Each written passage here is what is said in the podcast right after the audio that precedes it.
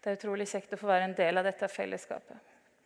Jeg Kjenner at jeg har eh, savna det, og jeg har eh, sett fram til å være her i dag. Eh, og sett fram til å tale. I sommer så går vi gjennom Galaterbrevet på gudstjenestene i Imi-kirka. Og I dag har vi kommet til kapittel fire. De tre foregående søndagene har Hanne Therese og Stiv og Geir undervist glimrende om nåden og rettferdigheten, relasjon eh, og religion og loven og troen. Og De talene kan dere gå på og høre på nettet på imikirka.no. I dag er vi klar for kapittel fire. I Galaterbrevet går Paulus kraftig ut og er opprørt. Kampen han kjemper, står om de som en gang tok imot den dyptgående friheten som Jesus kan gi. At de skal holde fast på den friheten og ikke la frihetsrøverne slippe til. Og vi vil lese sammen fra kapittel 4, vers 1-9, som kommer, og dere kan følge med på skjermene Så lenge en arving er umyndig, står han likt med en slave, enda han eier alt. Han står under formyndere og forvaltere helt til den tid hans far har fastsatt. Slik er det også med oss. Da vi var umyndige, var vi slaver under grunnkreftene i verden. Men i tidens fylde sendte Gud sin sønn, født av en kvinne og født under loven. Han skulle kjøpe fri dem som sto under loven så vi kunne få retten til å være Guds barn. Fordi dere er barn, har Gud sendt sin Sønns ånd inn i våre hjerter. Og ånden roper 'Abba, far'. Derfor er du ikke lenger slave, men sønn. Og er du sønn, er du også arving, innsatt av Gud. Den gang dere ikke kjente Gud, var dere slaver under guder som ikke er virkelige guder. Men nå når dere kjenner Gud, ja, mer enn det, når dere er kjent av Gud, hvordan kan dere da vende tilbake til disse svake og fattige grunnkreftene? Vil dere slave under dem igjen? Hvis du fikk velge mellom å være fri og være slave, eller å være myndig eller umyndig, hva ville du velge? La oss bare ta en håndsopprekning i salen. Hvor mange her ville velge å være slave? Opp med en hånd.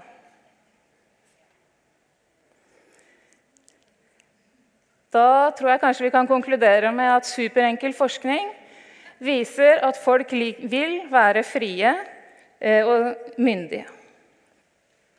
Det er tilsynelatende et helt enkelt og banalt valg. Men vi mennesker har et litt mer ambivalent forhold til frihet enn det kan se ut til ved første øyekast. En av vår tids største frihetsforkjempere ligger i dag i disse tider for døden, og hele verdens øyne følger Nelson Mandela. Han blei personifiseringen eh, og symbolet for kampen og seieren over apartheidregimet i Sør-Afrika. Og det er faktisk ikke mer enn noen og 70 år siden vårt eget land ble invadert. Selv om det oppleves ganske fjernt for oss som ikke levde på den tida. Billy nevnte Kambodsja, som også opplevde et type diktatur. Og folk som har opplevd sånne ting, krig og rasisme og okkupasjon, har ofte helt andre referanser til det med frihet enn for oss som kanskje er bortskjemt på frihet. Hvis du tvinges til ufrihet, så vil gjerne frihet stå øverst på ønskelista di. Paulus skisserer i denne teksten slaveri og umyndighet som motsatsen til frihet. Jesus har vunnet oss frihet. Frihet fra synden fra grunnkreftene i verden. Frihet til å være Guds barn, til å tilhøre Gud. Frihet til godhet, til omsorg for andre. Frihet til å være med på det som Gud gjør. Gud tenker så ufattelig høyt og stort om oss mennesker og ønsker vår frivillige tilslutning. Han sendte sin egen sønn for å gi oss frihet. Den frihet som er selve menneskets adelsmerke. Som viser vår verdi og posisjon i skaperverket. Det står i starten på Efeserbrevet Velsignet er Gud, vår Herre Jesu Kristi Far. Han som i Kristus har velsignet oss med all åndens velsignelse i himmelen. I Kristus utvalgte han oss til å stå for hans ansikt, hellige og uten feil. I ham har vi friheten, kjøpt med hans blod, tilgivelse for syndene. Så rik er Guds nåde, som Han har latt strømme over oss med all visdom og forstand. Er ikke det fantastisk? Men hvordan har det seg da at galaterne kunne gi opp en sånn frihet? For de fleste i Norge så tror jeg kanskje ikke myndighetsdagen oppleves som det paradigmeskiftet det egentlig er. Det er både for at eh, vi forhåpentligvis har blitt trent opp og opplært til å ta ansvar, til å ta avgjørelser. Vi har fått med oss gode verdier på kjøpet, og vi har fått øve på forhånd. Men også at den virkelige forandringen, eller den virkelige eh, omveltningen, faktisk er å flytte hjemmefra og klare seg på egen hånd. En må få det til å gå rundt med de pengene en faktisk har. En må fikse maten sjøl og finne ut hva ting koster. En må vaske klærne sjøl finne ut av hvordan både samfunnsinstitusjoner og oppvaskmaskiner fungerer. En må løse problemer, og hver dag så må en ta mange store og små valg. Noen av dere som, her, som er her, har vært gjennom denne prosessen sjøl med deres egne unge. Og alle har vi vært der eller kommer til å komme dit. Og det kan være en sånn eh, drøm om frihet. Det skal bli fantastisk å flytte hjemmefra og slippe mamma og pappa sine regler. Det skal bli fantastisk å bestemme sjøl. Det skal bli fantastisk å gjøre som jeg sjøl vil. Mens mamma og pappa på den andre sida kan synes det er litt skummelt å slippe barna ut i den store verden og veit en ting og to om alt som ikke er av det gode. Frihet innebærer jo ansvar. Både for oss sjøl og for andre. Frihet uten ansvar og samvittighet eh, tror jeg ingen egentlig ønsker. Men samtidig så lever vi i en kultur der ansvar i utstrakt grad blir fremstilt som noe negativt. Noe som gjør at noen kan velge å ikke forholde seg til ansvaret. Eller benytte friheten til å klage eller finne andre folk å skylde på. Eller vi kan møte friheten med å velge minste motstands vei. Og i størst mulig grad forsøke å unngå ubehag. Det kan virke som en forlokkende mulighet.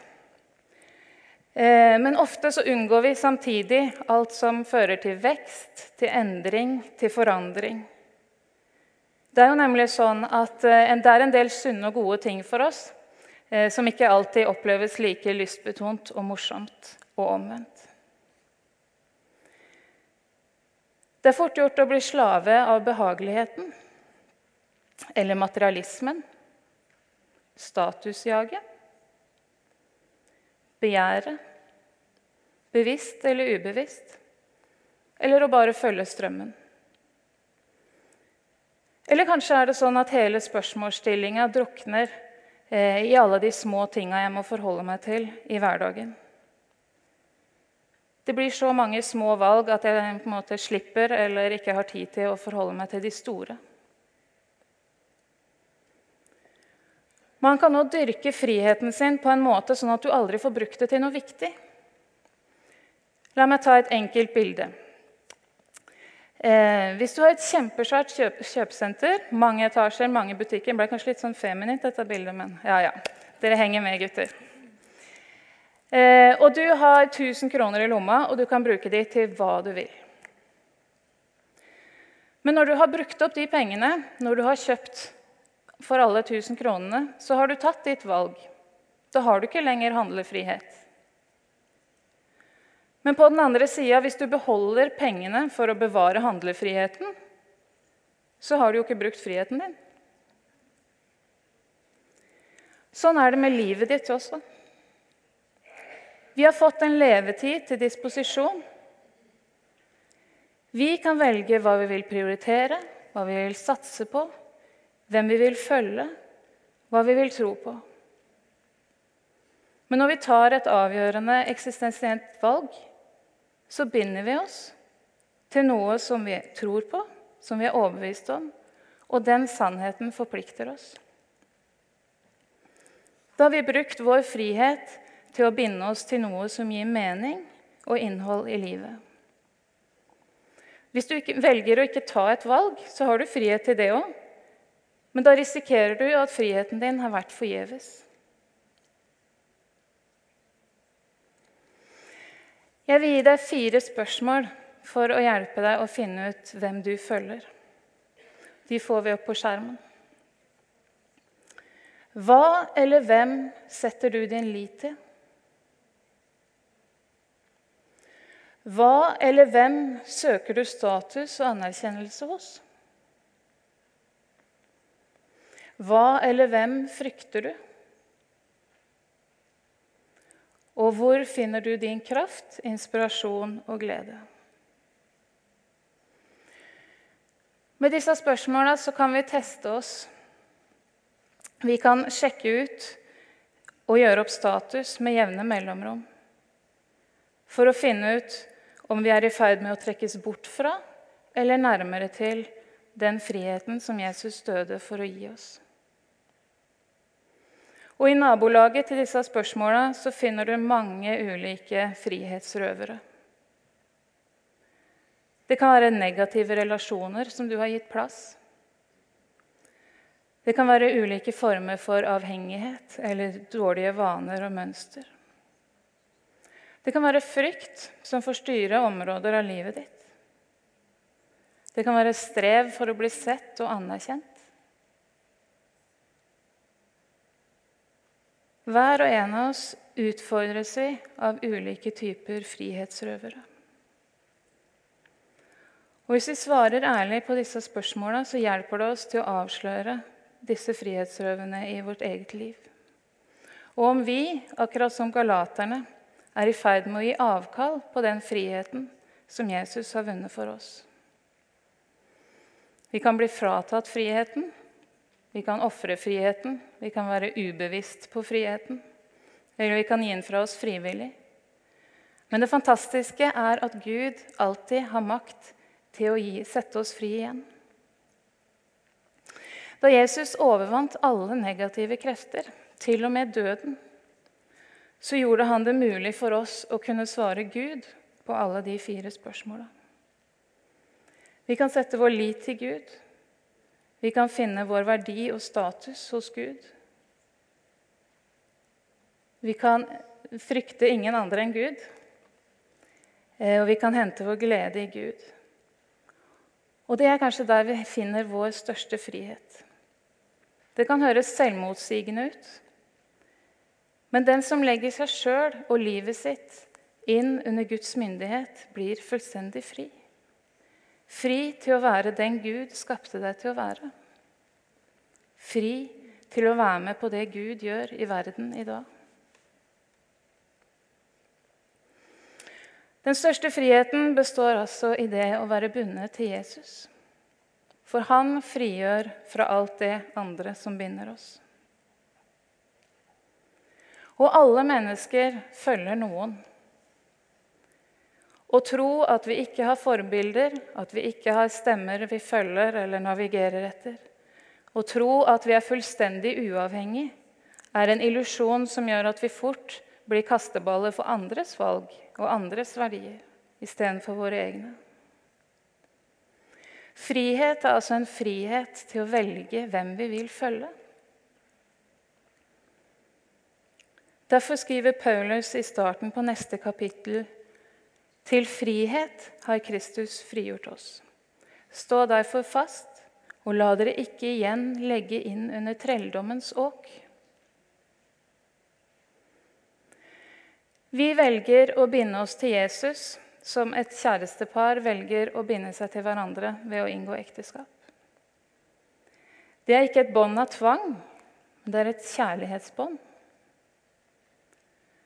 Og Jesus er den som har kraft til å sette oss fri fra alt det som måtte binde oss, uansett hva det måtte være.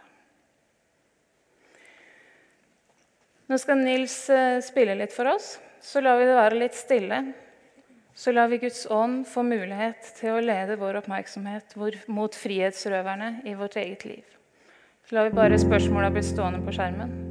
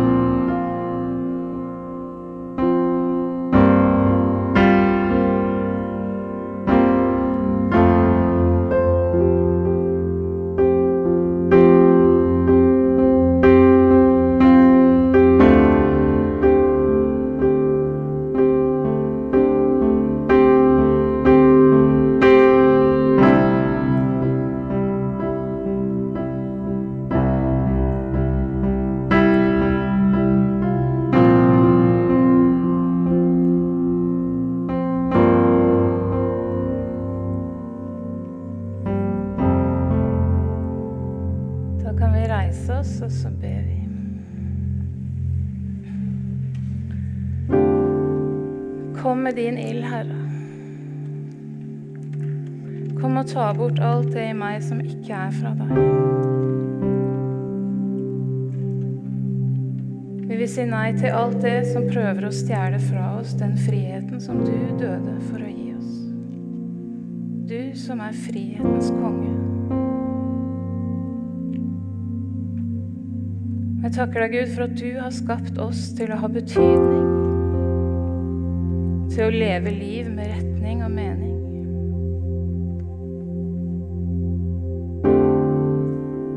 Til å være med på det du holder på med, Gud. Kom med din kraft og din ånd, din visdom. For å avsløre hva som røver friheten vår. Og led oss inn i din frihet, Herre, selv om det kan kreve kamp. Takker deg, Gud, for at du er den som har frihet og framtid.